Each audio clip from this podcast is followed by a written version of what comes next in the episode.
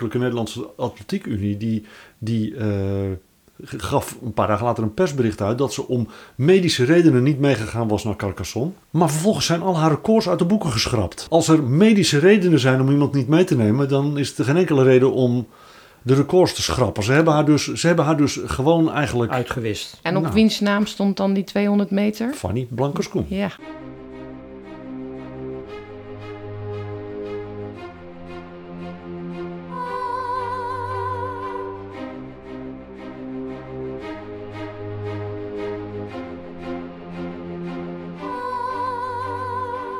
Welkom bij de podcast Stoere Vrouwen.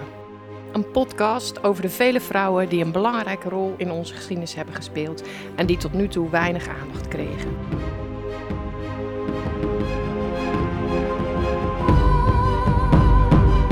Stoere Vrouwen.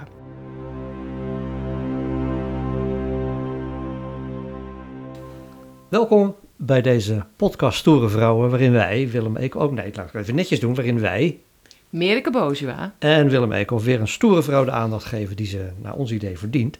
En wat leuk is, we hebben vandaag een hele speciale gast. Daar zijn we ontzettend blij mee. Dat is, eh, nou, misschien kun je jezelf even voorstellen alsjeblieft. Eh, ik ben Bert Kous. Zo. Ja, Nou ja, dat, voldoende dacht ik zo. Bert, zou je weer kunnen vertellen waarom jij hier bent om te vertellen over, eh, over een stoere vrouw. En zometeen ga je natuurlijk onthullen welke stoere vrouw. ik ben eh, sportjournalist. En ik ben eigenlijk al wel een aantal jaren erg geïnteresseerd en geïntrigeerd door het verhaal van Foekje Dillema. Ah. Ja. Foekje Dillema. Oké. Ik had er nog nooit van gehoord, eerlijk gezegd, maar dat komt vaker voor in deze serie. Ik heb vanmorgen gegoogeld en ik was een beetje verbaasd toen ik een foto zag van Foekje Dillema. En eh, waarschijnlijk eh, heeft dat te maken met alles wat ze heeft eh, meegemaakt in haar leven. Maar het, nou, het was een bijzondere vrouw om te zien in ieder geval. Eh, ik laat het even over verder aan Amerika voor de geschiedenisinsteek. Eh, we zijn benieuwd naar het leven van Foekje Dillema. Het is ook precies de tragiek trouwens, Willem, die je nu aanhaalt. De tragiek van Foekje Dillema. Het feit dat ze er niet uitzag zoals de meeste vrouwen eruit zien. En dat eh, ja, werd een heel groot... eh, daar werd door anderen een heel groot probleem van gemaakt. Ja. En we hebben het eh, over een stoere vrouw die met name haar sporen verdiend heeft in de sport. Misschien moeten we dat even duiden. Ja, eh Foekje Dillema werd in 19, is in 1926 geboren. Ehm, eh, kind in een groot gezin in Friesland. Woonde bij opa en oma met de hele familie. En ehm, ja, eh, groeide eigenlijk eh, op zoals een normaal Fries meisje op het Friese platteland.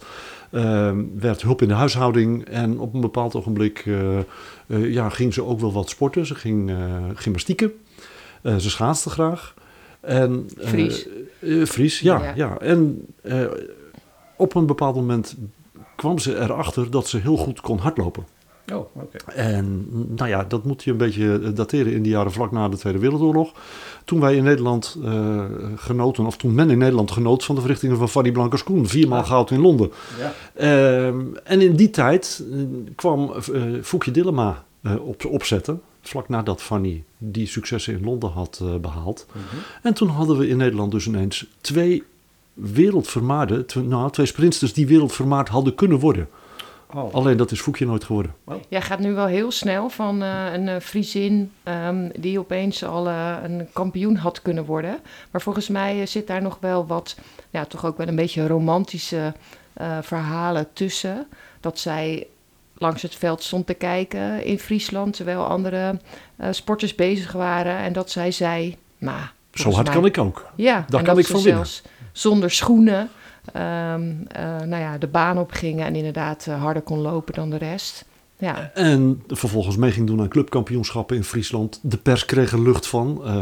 Wie is die Foekje Dillema uit dat dorpje Burum? Waar komt dat ineens vandaan? En zo werd ze allengs wat bekender. Mhm. Eerst in Friesland en eh, later in Nederland. Eh, in de rest van het land, ook de, de Koninklijke Nederlandse Atletiek Unie kreeg eh de lucht van. hey, hey, hey, daar is een heel groot talent. En ja, toen ging ze ook meer nationale wedstrijden lopen. Dus ze kreeg landelijke bekendheid. En hoe ontwikkelde zich dat? dat werd een probleem voor Fanny Blankers-Koen. Want Fanny Blankers-Koen die werd ineens... ja, die kreeg een, een geduchte concurrente. en misschien moet je even voor de niet eh, sportkennende luisteraars eh, vertellen wie Fanny Blankers-Koen was. Fanny Blankers-Koen eh, is in 1999 eh, uitgeroepen tot atlete van de eeuw. Zij deed in 1936 als 17-jarige voor het eerst mee aan de Olympische Spelen. Sprintster was ze. In Berlijn brak ze geen potten. Ehm, vervolgens heeft ze de pech gehad dat in 1940 en in 1944 de Olympische Spelen als gevolg van de Tweede Wereldoorlog niet doorgingen. En na de Tweede Wereldoorlog was ze zijn moeder. En dacht iedereen, nou die Fanny Blankers-Koen die zal wel stoppen. Sterker nog, eh, men vond eigenlijk dat ze niet meer moest sporten omdat ze moeder was. Maar daar had Fanny geen boodschap aan, want die vond dat hartstikke leuk. En Fanny eh, ging naar de Olympische Spelen van Londen in 1948 en won daar vier keer goud. Ehm, en eh, kreeg de bijnaam de Vliegende Huisvrouw. En, en ja, zij was op slag een beroemdheid, niet alleen maar in Nederland, maar wereldwijd. En waarom is ze sportvrouw van de eeuw geworden? Ze is atlete van de eeuw geworden omdat ze als enige Nederlandse sporter eh, erin geslaagd is om vier gouden medailles op één Olympische Spelen te winnen. Oké. Ah. Maar dat had dus heel anders kunnen lopen, begrijp ik. Mhm. Als Foekje Dillema zich anders had ontwikkeld. Waar is het misgegaan dan? Nou, eh, nee, want in 1948 was er nog geen sprake van Foukje Dillema. Oh. Dus Foukje Dillema is pas later opgekomen, pas 1949, 1950. Dus dat was in de aanloop naar de Olympische Spelen van 1952 in Helsinki. En op het moment dat Foukje Dillema eh, mee ging doen aan wedstrijden en eh, tijden begon te lopen die verduveld veel in de buurt kwamen van de tijden van eh, Fanny Blankers-Koen, zelfs het Nederlandse record van Fanny Blankers-Koen op de 200 meter verbeterde, ja, toen had Fanny een, een concurrente. En dat vond niet alleen Fanny niet leuk en haar man, Jan Blankers, de man en trainer van Fanny Blankers-Koen. Maar gek genoeg vonden ze dat bij de Atletiekunie ook helemaal niet zo leuk. Die hadden Fanny op een enorm voetstuk staan. En waar je normaal gesproken... En misschien ook wel haar echtgenoot. eh, ja, haar echtgenoot vond dat ook niet leuk. Nee, maar op een voetstuk staan als Oh, trainer. Ja, en- als trainer, zeker, zeker, zeker. Die stond ook op een voetstuk, ja. Ehm, en normaal, ja, je zou toch denken, eh, in deze tijd, we hebben Daphne Schippers, Ja. eh, nog eentje op de een 100 erbij. meter, eh, alleen maar mooi. Dan de, de, de- dat straalt af op, op, op Nederland, dat straalt af op de Atletiekunie. Maar ja, van, Maar van, van, van Foekje moesten ze Nee, niet zo ik voel een soort cliffhanger aankomen. Want ik heb dus, we hebben dus twee talenten. Of een hele grote. We hebben Fanny Blankerskoen. We hebben Foekje Dillema. Maar die heeft... Iedereen kent Fanny Blankers, maar niet Foekje Dillema. Nou, ik, Wat is er mis met haar dan? ik zal even vertellen, want jij ging net eh, heel snel. Maar die wedstrijd waar zij dus op de 200 meter het Nederlands record verbrak... daar deed Fanny Blankers-Koen op het laatst niet mee. En die schijnt toen in de kleedkamer gezegd te hebben... waarom ze niet meedeed was... ja, ik loop toch zeker niet tegen een vent. En hier komt het vent? drama van Foekje Daar Dillema. is het drama van Foekje Dillema. Foekje Ah. Dillema, jij zei het eigenlijk al aan het begin, Willem. Die foto. Foekje Dillema, ehm, eh, ja, hoe zeg je het, Eh, was niet een hele mooie, knappe vrouw. En velen vonden dat zij er mannelijk uitzag. Dat was ook mijn eerste indruk. Ja, ik dacht dat het een eh, man was. En nou ja, dat is haar tragiek geworden. Fanny Blankers-Koen die heeft gezegd: Ik loop niet tegen een man. De grote verdetten op de 100 en 200 meter in die tijd: eh, een, eh, twee Amerikaanse vrouwen, één geboren Poolse die Amerikaanse was geworden en een Amerikaanse. Daarvan dachten mensen ook van dat ziet er wel een beetje uit als een man. Fanny Blankers-Koen had wedstrijden gelopen tegen een Duitse atleet, atlete, waarvan later uitkwam dat hij zijn ballen eh, wegmoffelde en opknoopte. Eh, zodanig dat ze niet te zien waren in de broek. Ja, daar is ook En- hard van gelopen, denk ik. en Ja. ja, en nou ja, daar verloor eh, Fanny Blankers-Koen van. Die man is ontmaskerd. Eh, die andere vrouwen waar zij tegen liep, die twee Amerikaanse en Foekje Dillema, die zagen er mannelijk uit. Of, nou, mannelijk Nou ja, uit. Ik vind, Za- ze- haar gaat- gezicht is inderdaad, ligt ook wel een beetje aan welke foto's je bekijkt. Maar ze heeft echt gewoon een vrouwenlichaam. ja, ze heeft een Eh, vrouwenlichaam. Ze Ja, heeft wel een zeker. beetje stevige kaaklijn. Ze heeft een Eh, stevige en ze- kaaklijn en ze had eh, eh, de pech dat ze in de puberteit een wat zwaardere stem kreeg. En dat is no- nergens te zien op foto's. Mhm. Er wordt gezegd dat ze haargroei in haar Baard. gezicht kreeg. Een baard kreeg. Ja, het is een beetje, Baardgroei. Ja. het is, het is een beetje analoog aan de Zuid-Afrikaanse atlete Semenya, eh, een jaar of tien geleden, 800 meter loopster, waar het ook van gezegd werd, dat is een man. En ja, nou ja, Maar in die tijd, eh, over welke tijd hebben we het? ja, eind, eind jaren 40, begin jaren 50. Ja, dus dat was dus een hele andere tijd. Want Want, nu zou Dat misschien... Nederlands record op de 200 meter was in welk jaar? Dat liep Fanny volgens mij in Londen. Nee, van Voekje. Oh, in 1950. Ja, 1950. Ja. Maar er was dus een, een tijd waarin, eh, ja, beetje... eh, onderzoeken waren misschien anders of zo. Of, of je kon het wel van iemand beweren, maar hoe moest je het testen? Of was Nou- het zomaar een vermoeden? Of was het een, een insinuatie en klopte het helemaal niet? Het was een vermoeden en het was een insinuatie. Ehm, tot op dat moment was er nooit getest. Ehm, Men ging ervan uit dat als je meedoet aan een wedstrijd voor vrouwen, dan zal je wel vrouw zijn. En als je meedoet aan een wedstrijd voor mannen, zal je wel man zijn. Ja. Ehm, eh, en de Nederlandse Atletiek Unie heeft in, 19, eh, heeft in 1950... eh, ja, en dan wordt er gezegd op aandringen van Jan Blankers en Fanny Blankers-Koen... eh, ja, een seksentest uit laten voeren op Foekje Dillema. En om dat een beetje te maskeren, werden er vijf atletes uitgenodigd, waarvan er twee zelfs al moeder waren. Maar die moesten wel naar die seksentest komen, zodat het ja, niet al te dik er bovenop lag dat het alleen om Foekje ging. Was het om haar eigenlijk uit te schakelen? Was het gewoon, waren ze bang voor de concurrentie? Ja, Moet Ja. je het zo zien? nou, Ja. ik denk wel dat dat Ja, een rol speelde. dat was het zeker. Ja. Dat kan je, kan je niet los van elkaar zien. Fanny Blankers-Koen heeft nooit eh, tegen Foekje gelopen. Op het moment dat er wedstrijden waren dat ze samen zouden gaan lopen op de 100 of op de 200 meter, eh, was. eh, eh, ging, ging, dan, dan was Fanny geblesseerd of het paste niet in haar trainingsschema. De enige keer dat ze tegen haar gelopen heeft, was op een wedstrijd waarvan ze van tevoren wist dat Foekje geblesseerd was. Ah, oké. En toen won ze van haar. Oké. Ja. Hmm. Maar goed, eh, even naar die eh, test. Eh, was, eh, dat was dus niet gebruikelijk. Het was de eerste keer dat de Nederlandse Atletiek Unie, of Atletiek Bond, hoe heet het? Atletiek Unie. Eh, dat zij dat gingen doen. Dat was, eh, ja, kan geen toeval zijn. Die tests die werden nooit uitgevoerd. Daar was geen regel voor, wat ik net zei. Hè? Eh, als je vrouw bent, dan, als je meedoet aan wedstrijd voor vrouwen, dan zal je wel een vrouw zijn. Ja. En ineens kwam daar de Atletiek Unie. Eh, er was een internationale wedstrijd in Zuid-Frankrijk. Waar de Nederlandse ploeg naartoe zou gaan. Eh, alle topatletes van die tijd. Fanny Blankers-Koen zou meegaan. eh Foekje Dillema zou meegaan. En ineens was daar eh, de uitnodiging voor vijf vrouwen. Jullie moeten naar Den Haag komen voor een, eh, voor een medische test. Ja, ja. Een, seksentest om te kijken. Ja, nou ja, het werd, was. het werd een medische test. Het was Ja, een gynaecoloog die echt even ging kijken. Ja. Oh, oké. Ja. Ja. Eh, en eh, ja, hier eh, lopen de bronnen wel een beetje uiteen. Hè? Dus Ja, Max Dolen die schrijft in zijn boek het verwoeste leven van Foekje Dillema. ja, de Ja. grootste tragiek van de Nederlandse sportgeschiedenis. schrijft hij dat, dat die vijf dames naar die test zijn gegaan. En dat er uit die test, dat op basis van die test de Atletiek Unie tegen Foukje Dillema heeft gezegd: jij mag niet meer meedoen. Ja, dus dat ze, en dat boek is uit 2008. En eh, dus toen werd er eigenlijk eh, beschreven dat ze die test had ondergaan. En later zijn er eigenlijk andere bronnen eh, gekomen. Ook weer door Max Dolen. Die heeft Ja. later, drie jaar later geloof ik, heeft hij notulen van de Atletiek Unie onder ogen gekregen. Waarin stond dat Foekje die test geweigerd zou hebben. Ja, dus dat ze Oh. daar niet geweest is. Ja. Dus ja, dat is, ja, ze Oh. leeft niet meer. Dus het is moeilijker achter te komen Ja, eh, ja, of ze nou niet geweest is of dat ze eh, getest is.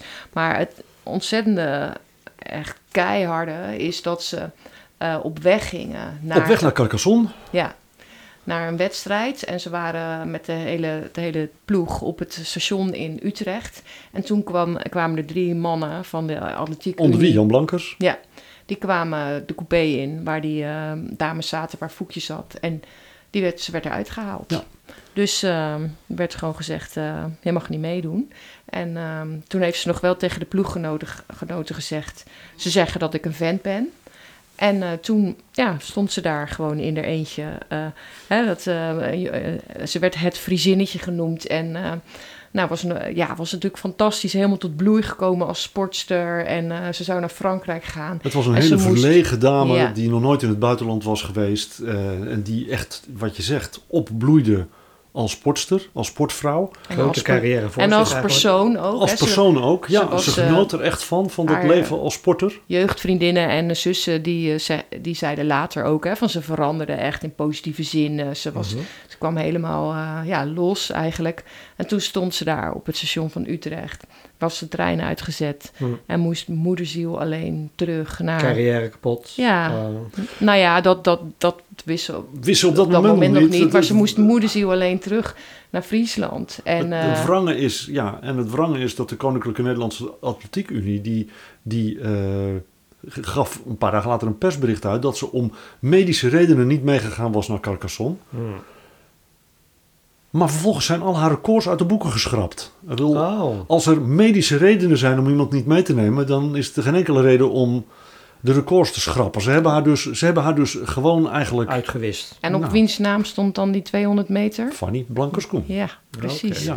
Hmm. Ah, ja. En ze, ja, ze trok zich dus terug weer bij haar ouders. Eh, en eh, ze wilde niemand zien, niemand spreken. Ze ontweek de pers, haar vrienden. En ehm, nou ja, volgens eh, ook wel bronnen is ze toen wel... ehm, heeft ze medische behandeling ondergaan. Ja, dat, dat, dat- ja, dat, eh, zowel Max Dolen schrijft dat, hè, en, en ook in de, in de eh, Documentaire van Andere documentaire Tijden. Andere Tijden Sport van de NOS. Daar zegt haar zus het.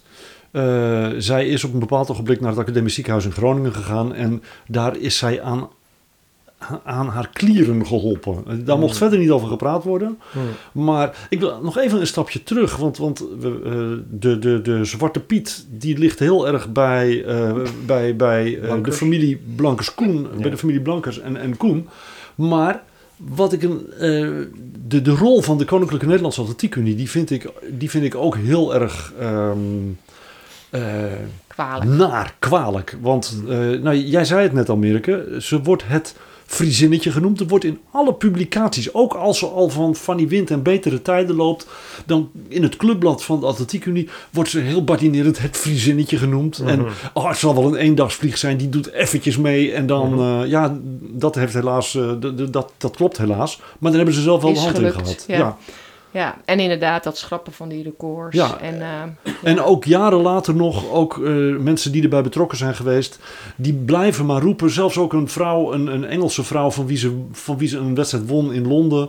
eh, Die ook, die ook eh, 50 jaar later nog, in de 60 jaar later, in, die, in, in andere tijden sport nog zegt. Ja. Ja, nee, Het was er was wel wat mee. Het was, Ja. een, het, het, het was een man en het was, ja bijzonder tragisch. En zij is, ja, zij is gewoon koud gesteld en als atlete vermoord door De Atletiek Unie. de Atletiek Unie en ja, door dat, door dat onderzoek. Oké. Want eh, ja, er is later dus nog wel getracht erachter te komen wat er dan, eh, of er dan iets met haar aan de hand was. Ja, En ehm, ehm, Ja, was het nou een man of een vrouw? Ja. Is dat bekend geworden? Ja, dus eh, Ja. nou, dat is wel natuurlijk heel beladen om daar na haar dood ook onderzoek naar te doen. Ja. Want zelf wilde ze er nooit over spreken. Mhm. Ze, is, ze heeft zich dus nog eventjes, toen ze dus in 1950 was teruggestuurd, heeft ze eh, ja, eigenlijk een hele tijd, wel iets van twee jaar, eigenlijk een beetje binnengezeten bij haar ouders. Ehm, en toen is ze wel eh gymnastiekjuf geworden en heeft ze wel eh, nou, weer huishoudelijk... schaatswedstrijden, aan Ja. ook meegedaan. Ja, maar eigenlijk een heel, verder een heel teruggetrokken leven gelei- geleid, nooit getrouwd. Eigenlijk altijd bij de ouders eh, Ja. gebleven. Contact Ja. gehouden met, of weer gekregen met één eh, hardloopvriendin die dat contact met haar heeft gezocht. Maar de eerst, bij de eerste afspraak heeft eh Foekje heel helder gezegd: Ik wil graag met je om blijven gaan, maar wij gaan het nooit over het verleden hebben. Oké. Niet over Ja. mijn atletiek verleden. Hmm, Ja. Daar mocht niet meer over gepraat worden. Oké. Klinkt eh, heel gefrustreerd eh, en teleurgesteld. Ja. Nou ja, raar is dat. Logisch, nee, is Ja. logisch wel. Ja, en ehm, eh, nou, ze, er is dus eh, met behulp van eh, DNA wat van haar eh, kleren. eh, er waren dus na haar dood nog, was er nog kleding van haar en is er DNA-onderzoek gedaan. En eh, wat was daar uitgekomen? Daar is uitgekomen dat ze een vrouw was. Hmm. Ehm, Oh. Maar, eh, ehm, en daar komt de maar. Ehm, zij was een vrouw met, eh, eh, ja, hoe zeg ik dat netjes? We- de- wat, waar wat mee was. Zij had een, een, een, een aangeboren afwijking. Ze had een extra Y-chromosoom. En vermoedelijk Dat doen ze een man, hè? Er zijn, er- Nee. er zijn, nee, nee. Nee, nee. Er zijn heel veel, er, er- Nou er zijn, er zijn heel veel, heel veel eh, eh, eh, gradaties in, in eh, ja, ik vind het een nawoord, maar ik gebruik het wel even, afwijkingen. Ja, want Eh, dat is denk ik inderdaad niet het goede woord. nee, Want dat- maar ehm, Maar normaal zou je XX hebben, juist. of XY als je Ja. man Ja, bent. ja, en zij was niet volledig XXI. XX. Hij had XX en af en toe een ja, Y. en af en toe een ei. En dan noemen ze een mozaïek. eh, Ja, en, en, gelezen. en vermoedelijk, eh, op basis van alles wat er eh, over bekend is, ehm, vermoedelijk had zij, is er bij haar, toen ze nog in de baarmoeder zat van haar moeder en toen ze zich ontwikkelde tot, tot baby, tot meisje, eh, is er een, eh, zijn, zijn er bij haar eh, testikels ontwikkeld die niet uitontwikkeld zijn. Mhm. En die, zijn, die waren uiterlijk niet zichtbaar, Mhm. maar die zaten in haar lies. En wat doet een testikel op het moment dat, eh, een, dat iemand in de puberteit komt? Die gaat mannelijke hormonen produceren. Oh. Testosteron, zij had meer testosteron dan de gemiddelde vrouw. Mhm. Een zwaardere stem, Ja. enige haargroei in het gezicht. Ja. En dat is vermoedelijk de reden geweest waarom Foukje Dillema eh, er een beetje uitzag als een man. En Mhm. dus ook door anderen zo, eh, zo, werd, zo werd gezien. En waardoor eh Fanny Blankers Maar Ja. je zei al, in de huidige tijd had zij gewoon mee kunnen sporten. in de huidige tijd dat ze mee Ja. mogen lopen. Dus het is eigenlijk een Ja. ingegroeide... Waarschijnlijk had ze één ingegroeide testikel. Maar wel ook eh, gewoon eierstokken. En ze heeft dus wel die ingreep gehad... waarbij dat dus waarschijnlijk is weggehaald. Mhm. Ja. Eh, dus, eh, maar ja, ze was gewoon voor het leven geschorst. Ze mochten ook niet meer terugkomen bij de Atletiek Nee. Bond, Nee. Unie. Eh, en ehm, eh, ja, dus En ze had het zelf denk ik ook niet meer gewild. Ja, dat weten we niet. Nou, maar had ze zelf niet willen weten na zoveel tijd eh, dat ze met terugwerkende kracht toch als vrouw zou zijn bestempeld? Of? Nou, eh, die dat die was kleding, ze sowieso, hè? die- ze was ja, sowieso een vrouw. Ja, die kleding, Ja, ja, maar- eh, die, die, kleding die, eh, die, die, is, die is onderzocht. Dat is eh, gedaan op initiatief van een eh tantezegger van haar. Fouke Dillema, een eh, zoon van een broer van haar. De schrijver van het, eh, van het boek over Foekje, Max Dolen, die zegt... als zij geweten had dat dat na haar dood met haar kleren zou gebeuren... had ze ze in de fik gestoken. Oké. Zij wilde dat zelf, zij zou dat zelf absoluut niet gewild er hebben. niets meer van weten. Nee. Een groot eh, trauma. Ja, het is een, het is een, levens, een, levensgroot, eh, ja, een levensgroot en levenslang trauma geweest van, eh van Dillema. Ja. Ja. Maar conclusie dus, in deze tijd zou ze gewoon hebben mogen eh, sporten. Dus ja, je hebt nou eenmaal, als je topsporter bent, bepaalde ja, eh, fysieke voordelen. Dus een basketballer van twee meter, ja, die heeft ook nou eenmaal, eh, of, mm, ze is geloof ik ook al niet eens lang, twee meter. Nee, maar we hebben inderdaad, we hebben geen aparte basketbalwedstrijden voor mensen van boven de 2 meter 10. Er is bekend dat eh, hardlopers uit West-Afrika, uit de, die, die, die bol, of die als slaven naar Amerika eh, zijn gegaan, eh, als slaafgemaakten naar Amerika zijn, zijn gegaan. Dat zijn overwegend West-Afrikanen. Die zijn kleiner en die hebben spieren die heel geschikt zijn voor de sprint. Vrijwel alle zwarte Amerikaanse sprinters, of Afrikaanse sprinters, komen oorspronkelijk uit het westen van Afrika. Uit het oosten van Afrika, Cameroen, Ethiopië, daar komen de marathonlopers vandaan. Die zijn langer, die hebben langere spieren. Ja. Er zijn ook geen hardloopwedstrijden. Er, zijn, er er is ook niet 100 meter voor atleten uit Cameroen, waaruit atleten uit, uit, uit, uit West-Afrika niet mee mogen doen. Ja. kun je het je voorstellen dat in die tijd, als jij ging hardlopen en er liep opeens iemand naast je die een stuk groter was en sterker en uitzag als een man, dat je dan zou protesteren? Kan je enig begrip voor opbrengen of denk je het is weer een tijdgeest? Want ik, ik had wel ergens gehoord dat eh, in de tijd voordat er zeg maar, doping was, dat ze ook wel landen vooral hun atleet wegstuurden die de meest mannelijke kenmerken had. Hè? Dus de, de, de Russische kogelstootster waarvan je denkt zo, nek zo breed als je badmuts, weet je wel? Ja, maar Dus- dus, was dat voor doping? Nou, dat, Want- dat was in de andere tijden sport. Dat ze zeiden van, eh, we zoeken de mensen met de meest mannelijke kenmerken. Nou ja, ik moet dan denken aan een uitspraak van Van Cote en de Bie in de bescheurkalender in de jaren tachtig ergens. Die schreven, eh, op de volgende Olympische Spelen staat de 800 meter mannen voor vrouwen op het programma. ja, precies. En dat ging over die volgespoten, Ja. eh, met doping volgespoten sprintsters, eh, hardloopsters uit Tsjechoslowakije en de DDR. Vrouwen met een snor en zo breed dat ze twee banen nodig hadden. ja, precies. En van wie de wereldrecords 30 jaar gestaan hebben. ja. Maar de vraag was, kun je je voorstellen dat die mensen toen protesteerden? Als opeens zo iemand naast je staat waarvan denkt, ho even, dat is geen vrouw, dat is een man. Die vind ik moeilijk. Ehm, ik kan me voorstellen dat je je. Dat je ik, nou, ik kan me in de tijdgeest kan ik me voorstellen dat je daar vraagtekens bij stelt. Maar ik vind het vervolg daarvan, het eh, willens en wetens eh kalt stellen van iemand. Ja, ja. Dan, ga je het, dan stel je daar vragen bij, dan ga je dat misschien onderzoeken. Maar aan de andere kant, eh, Foekje Dillema was een vrouw. Ze had borsten, ze had een vagina. Hm. Wat wil, wat- ja, wat wil je meer ja, weten? Ja, goed. Ja. En dan werd, ze erop, dan werd ze erop aangekeken dat ze in de kleedkamer Mhm. een beetje, Beetje schuchter deed. een beetje schuchter Ze was deed. gewoon verlegen. Waar, door, eh, want Fanny Blankers-Koen heeft zelf erkend dat ze wel eens heeft staan kijken terwijl ze zich om stond te kleden. Teamgenoten die er niet zoveel moeite mee hadden, die zeiden van ja, hallo, het is een meisje uit Friesland, die, die, ja, laat, laat het lekker preut zijn. Ja. Heeft dat met Friesland te maken? Nou ja, dat zeiden zij. Gewoon een, eh, dor een dorps... Zijn niet mijn woorden? Eh, later is er enige gerechtigheid gekomen volgens mij. Ja. Ja, dat heeft even geduurd. Dat heeft heel lang geduurd, veel te lang. Eh, maar eh, er is, eh, de, de, de Atletiekunie heeft haar gerehabiliteerd. Ja, dat is Op welke manier? Wat, heeft, wat is haar teruggegeven? haar tijden. Oh, Eh, eh, ja, en eh, dat is dan ook wel weer wrang. De persoonlijke records van Foekje Dillema staan weer in de annalen van de Koninklijke Nederlandse Atletiekunie. Mhm. Maar in de ontwikkeling van het Nederlandse koor op de 200 meter, wat zij in handen heeft gehad, staat haar naam er niet tussen.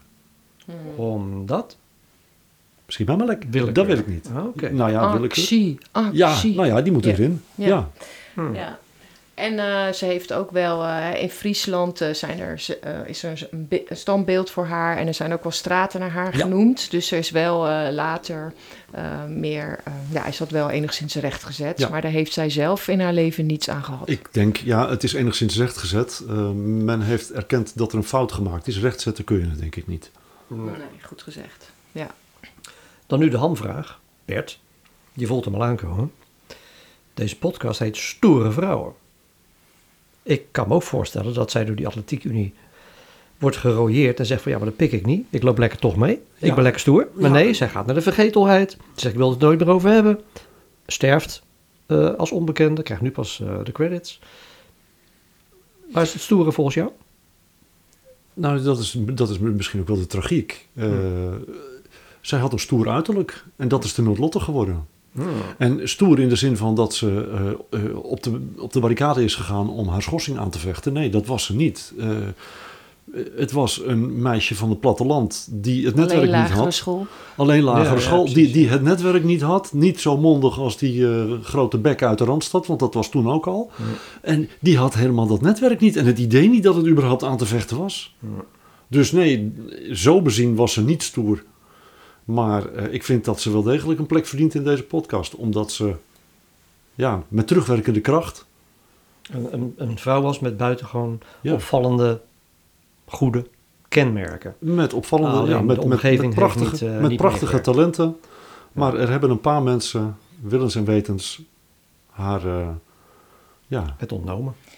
Ja, en als we dan uh, de ondertitel van de podcast uh, die te weinig aandacht uh, krijgen. Dat vind ik een goede. Ja, ja dan, dan ik, ja, heeft ze nu, dankzij jou Bert, heel erg bedankt daarvoor, ja, aandacht zeker. gekregen.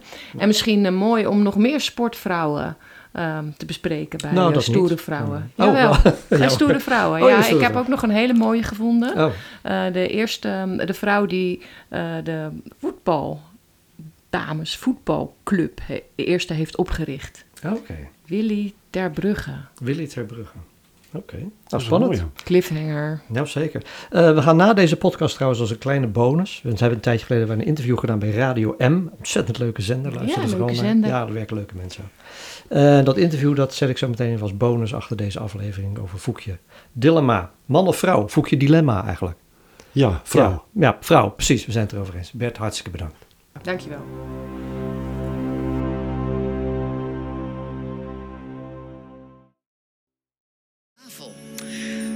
Ja, Cleopatra, uh, Madame Curie. En natuurlijk de Utrechtse trein van Leemput, daar heeft u misschien wel eens van gehoord.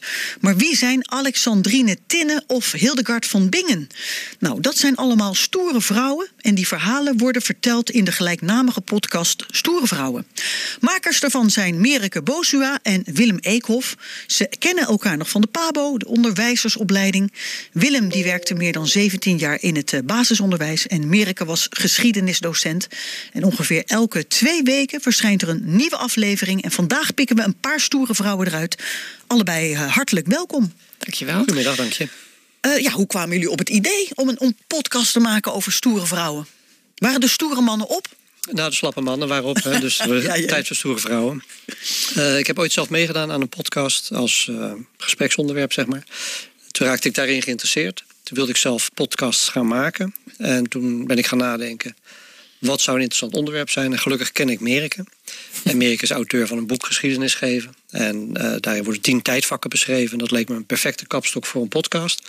Gelukkig wilden ze meedoen. En uh, we zijn uh, wat dat betreft daar succesvol mee. Meer dan 54.000 luisteraars op dit moment. Zo hé. En dat is geëvolueerd in, in een onderwerp waar Merike mee kwam. Merike, dat was... Stoere vrouwen. Precies. Ja. ja. Nou, er zijn heel veel vrouwen in de geschiedenis uh, ja, die weinig aandacht krijgen.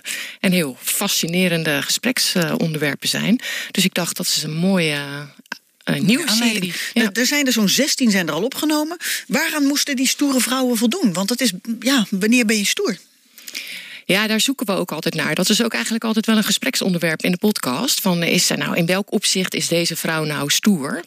Maar um, ja, voor onszelf is um, criterium ja, dat ze te weinig bekend is en dat we vinden dat ze aandacht moet krijgen. En soms is het echt iemand die ja, iets uh, heel belangrijks heeft betekend voor bijvoorbeeld de huidige werkende vrouwen, zoals Corrie Tendelo. In de jaren 50 uh, heeft hij uh, nou ja, gezorgd voor een wet waardoor vrouwen niet ontslagen worden als ze huwen. Oh ja, ja. ja. en daar, ja, dat is toch heel weinig bekend. Dus dat ja, dat lijkt me, voor mij is dat een hele duidelijke, stoere vrouw. Maar zijn er ook die uh, in de Romeinse tijd uh, complete Romeinse legers hebben verslagen. Ja. En uh, ja, dat is dan weer een heel andere manier van Zeker. stoer zijn. Ja, we hebben er wel eens discussie over, omdat in sommige gevallen was iemands verdienst ook gewoon dat ze daarna dat ze een, een belangrijke man gebaard hebben. He, is één dame. Nou, nou, nou. Nou, in ieder geval. Uh, Heb je het nou over Maria van Bourgondië? Ja, die was erg vruchtbaar sowieso. en dan kun je, dan heeft ze wel voor belangrijke. Uh, heeft wel belangrijke gevolgen gehad, maar dat was zij niet zozeer zelf, maar het feit dat ze uh, daar terecht is in, in terecht is gekomen. Vaak doen we ook een onbelichte kant van iemand. We hebben bijvoorbeeld uh, Annie M. G. Schmid. Ja. En dan kent iedereen het bekende verhaal van Annie M. G. Schmid. Maar er zat een hele andere, een beetje een duistere kant aan.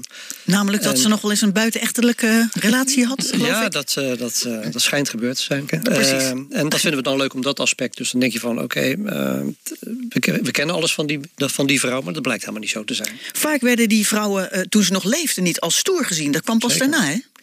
En dat proberen we ook te doen, een beetje in de tijd uh, plaatsen, in de context van de tijd. Dus dat is ook altijd een beetje mijn rol. Uh, toch een beetje de geschiedenisdocent ook nog wel, van uh, wat weten we hier zeker over. En hè, dus wat zijn de bronnen? En ja, wat, wat wij nu misschien raar vinden, dat was in die tijd niet zo. Dus die, die rol heb ik dan een beetje. Ja. ja. Um, we gaan even naar het verhaal van Alexandrine Tinne. Die leefde van 1835 tot 1869. En zij uh, is op een gegeven moment op een nacht bij een oase. En ze worden s'nachts overvallen. Nou, er waren soldaten mee, dus er hebben soldaten ook op wacht gestaan. Er is een of andere vechtpartij vindt daar plaats. Zij komt uit haar tent. En dan uh, komt één Touareg was het ook. En die hakt haar hand af. Nou ja, goed, dat bloed dat moet echt alle kanten op gespoten hebben. Dus zij, uh, uh, uh, ik weet niet wat ze nog meer gezegd heeft. Een ander die heeft nog een keer op haar ingeslagen. En vervolgens hebben ze haar achter een kameel gehangen... waar ze echt voortgesleept is. Omdat ze van haar wilde weten waar ze haar rijkdommen en schatten bewaarde. Nou ja, goed, ze heeft het niet overleefd uiteraard. En ze is daar ter plekke gestorven. Ze hebben haar nooit gevonden, dus ze weten niet precies wat er met haar gebeurd is. Wat een luguber verhaal zeg. En wie was die Alexandrine eigenlijk? ja, het was jouw favoriete vrouw, Willem. Dus jij mag misschien Nou, kom maar op dan, even. Willem. Maar ik wil nog even één toevoeging eh, doen. Want we interviewen dus soms ook deskundigen. Ja. En dit is uh, Mirjam Winkels. Die wij geïnterviewd hebben voor, eh, over Alexandrine Tinnen. En wie was zij? Kan je dat in het kort vertellen? Eh, Alexandrine Tinnen was iemand die de wereld durfde te verkennen. Ze kwam in feite uit een, eh, een, een gegoede omgeving. Ze had niet de noodzaak om weg te gaan. Ze was, was rijk genoeg, maar zo was avontuurlijk van aard. En is toen eh, op ontdekkingstochten gegaan. Eh, wel met stijl. Dus ze werd door, bijvoorbeeld door een aantal dragers werd ze de piramides opgetild. Dus ze liep niet helemaal zelf. Uh, later nog zich ontwikkeld in de fotografie, heel belangrijk geweest in Den Haag onder andere. Dus het is iemand die niet bekend staat als de Livingstones of de, de andere uh, verre ontdekkingsreizigers, maar iemand die dus heel veel ontdekt heeft, puur uit avontuurlijke drang. En dus uiteindelijk uh, buitengewoon gewelddadig om het leven Nou. is gekomen, omdat ze ja, uh, onbevreesd was en met Tuaregs uh, stammen en daarmee. Uh, Wat zijn Tuareg-stammen eigenlijk? Dat hoorde ik net ook in het fragment. Ja, dat zijn, dat zijn het Beduïnenstammen of zo in, in, Mhm. in de woestijn. Ja, Haar motto was liever kort en gevaarlijk te leven dan lang en saai. Nou, Nou, dat, dat is is- gelukt, hè? Dat is gelukt, ja. Prachtig. precies. Ja. Maar die Mirjam die dat vertelde, die doet dat ook zo smaakvol. En ik zie dat helemaal voor me dat je. Nou ja, uh, we proberen altijd een intro te maken. Wat een beetje waarvan je denkt van ik wil ook de rest van het verhaal horen. Ja. Op het moment dat je hoort, uh, ja. Ja, dat is heel je- je wordt slim gedaan. Achter een kaneel gesleept. Dan. Ehm, wij gaan even naar muziek luisteren en daarna gaan we het hebben over Hildegard von Bingen. Was niet zomaar een eh, non. Ja, dat is best een toepasselijke plaat natuurlijk. Hè? Chaka Khan en I'm Every Woman. En dat heeft alles te maken met de podcast Stoere Vrouwen. Makers daarvan zijn Merike Bozua en Willem eh, Eekhoff. Dus belangrijke vrouwen uit het verleden die eh, bijzondere dingen hebben gedaan. En ja, waarvan we helemaal geen weet hebben. Zo is daar bijvoorbeeld, jongens, Hildegard von Bingen. Ze leefde van 1098 tot 1179. Dat was niet zomaar een non, toch? Nee, zeker niet. Sommige mensen hebben vele talenten en Hildegard van Bingen was daar één van. Een vrouw die zeer getalenteerd was op allerlei eh, vlakken. Ze had heel veel interesses. Ze bestudeerde de natuur, ze bestudeerde geneeskunde. Ze schreef als een van de eerste over het vrouwelijk orgasme. En uh, dat was voor die tijd uh, buitengewoon, uh, nou ja, niet standaard dat een, non er- dat een non erover schrijft. Zeg maar. Elf, je hebt het over de 11e eeuw, hè? ja, en Ja. als je dan het vrouwelijk lichaam beschrijft, dat was, eh, was uitzonderlijk. Zoals een componiste. Er kunnen nu nog worden er eh, eh, meerstemmige gezangen gezongen. Geschreven door Hildegard van Bingen. Ze was de eerste die muzieknotatie gebruikt. Dus ze was een schrijfster, een raadgever. Ze had ook Eh, politieke macht, hè? Dus eh, in het machtsspel eh, in, eh, in het, eh, rond eh, Bingen. Dus ook eh, speelde de paus uit tegen de bis, plaatselijke bisschoppen. Of ja, dat klinkt misschien, speelden ze uit. eh, Maar hoe komt het toch dan, Mirike, dat zo'n vrouw niet bekend is? Dat jullie daar een podcast aan moeten wijten om dat een beetje onder de aandacht te brengen? Ja, precies. Want dat is, dat is nogal wat wat deze vrouw heeft gedaan. Nou ja, dat is ehm, denk ik dus toch een beetje de schuld van de 19e eeuwse historici. Die heel erg veel vrouwen uit de geschiedenis hebben weggeschreven. Maar gelukkig eh, hebben we sinds de 20e eeuw, eh, tweede helft van de 20e eeuw, weer veel aandacht voor eh, die vrouwen. En ehm, ja, zeker. En dat is dus ook de reden waarom we een podcast maken. Ja. Om, ehm, ja, om, om ook die hele interessante verhalen te vertellen. Ja, precies. Ik wil even naar de Utrechtse stoere vrouw Trein van Leemput. Laten we even luisteren. Het was voorwaar een dapper wijf dat krasse klauwen had aan het lijf om muren mee te slechten en liefde voor 's lands rechten. Wie haar te na kwam moest aldra haar vuistkracht zonder wederga met bloedend hoofd bezuren. Trein van Leemput. Nou, wij kennen haar wel in Utrecht, maar voor de mensen die er nog nooit voor hebben gehoord, wie was zij? Ehm, zij eh, was eh, degene die eh, verantwoordelijk wordt, ge- wordt gehouden voor het slopen van het kasteel, de dwangburcht eigenlijk, die eh, door de Spaanse overheersers was gebouwd. Op de plek waar nu nou, zo'n beetje Hoog Katerijnen staat, het Vredeburg. Ja, ja, dus eh, theater, of de, de muziekzaal heet Ja. nog steeds zo. Ja, en, en hoe ging dat dan? Hoe, hoe brak ze dat af? Nou, met een, met een ragebol. Nou, Ja, ja, nee, ja, Ik hou wil. Nou, ja, natuurlijk. Eh, nee, dan komen we weer in discussie. Eh, en in de podcast hoor je dat ook op een gegeven moment, eh, om een lang verhaal kort te maken. ze vindt dat haar man weinig actie onderneemt. En zij besluit uit, eh, met een paar stoere vrouwen uit, het, eh, uit dezelfde omgeving een kasteel aan te vallen. Dat doen ze met ragebollen en met een schort als vaandel. En ik vond het buitengewoon grappig om te zien hoe zes vrouwen naar zo'n kasteel toe lopen en roepen: slopen! Ja. Ik denk, nou, vrij stevig. Maar goed, het was meer een aanzet tot meer. Want meer mensen sloten zich daarbij aan en begonnen dus dat kasteel te, af te breken. Af te breken. Zij was degene die de katalysator was. En ja, bijzonder. Stoere vrouw, buitengewoon sterk. Uh, had ooit twee Spaanse soldaten ingekwartierd die ze gekild en van een trap afgegooid heeft, omdat het allemaal niet zinde wat ze daar deden. Dus was geen uh, vrouwen met uh, zachte handschoenen aan. Als je nou moet kiezen uit dat hele rijtje, want het zijn er nogal wat hoor. Cleopatra gaat het bijvoorbeeld over, Marga Klompé, Corrie Tendelo. Wat, wat is de favoriete van jullie? Mirike, waar, waar, echt een hele Wil jij verbreken? Ja. ja. Um, nou, ik noemde net al Corrie Tendelo. Die vind ik wel heel belangrijk voor de vrouw uh, van nu. Maar wat ik zelf echt uh, wel een heel vet verhaal vond, was die Boudica. Dus uh, uit de Romeinse tijd. Die gewoon echt letterlijk een stoere vrouw een leger leid, leidde. En ook dus uh, de Romeinen wisten verslaan. Ja, ik had er nog nooit van gehoord. Dus dat is ook heel leuk dat we tips krijgen van luisteraars. En dan duiken we in zo'n verhaal. Ja. En dan leren we zelf ook weer een hoop. Wat leuk. Ja. En uh, jij? Uh, in ieder geval die Alexandrine Tinne met die uh, ja, ja. de avontuurlijke tochter die ze ondernam. En Julie Daubigny. Oeh, ja. Dat is de laatste die we gedaan hebben. Dat is een buitengewoon interessante vrouw. Ze is, uh, opgegroeid een beetje als jongen. aangepakt door haar vader. Kon uitstekend schermen. Deed schermdemonstraties. Ging daarbij zingen. Werd operazangeres. Heeft een klooster in de fik gestoken omdat ze een lesbische relatie had. Is ontsnapt. Is later in de showwereld terecht. Een bijzonder leven. Ik denk dat ze eerlijk gezegd iets had van een aandoening waarvan we nu zouden zeggen van we, we, geven je pilletjes. Maar uh, nou, heel, fascinerend, heel fascinerend leven. Goed. Ja. Jongens, de podcast. Um, die is te beluisteren. Waar? Waar kunnen we hem vinden? Er is één direct adres, dat is www.anchor.fm slash geschiedenisgeven. Nog één keer? Kunnen we even meeschrijven? www.anchor.fm slash geschiedenisgeven. Maar ook op Spotify, Apple Podcast. Uh, eigenlijk als je googelt op stoere vrouwen. Dan kom je er wel, hè? Ja. En uh, de volgende, wat wordt hem? Of... Oh, dat is een, uh, een lastige vraag. We hebben er altijd heel veel op het lijstje staan. Um, ja, je hoeft het ja. ook niet te zeggen. Mm -hmm. ja, nou. dat het nog geheim blijft. Ja. En, ja. en tips zijn welkom. Tips zijn welkom. Hartstikke goed. Spotify, even kijken op Stoere Vrouwen... en dan komt u bij deze pareltjes terecht. Willem en Merik, ik vond het hartstikke leuk jullie hier aan tafel te hebben. Dank je wel daarvoor. Graag gedaan. Dank je wel.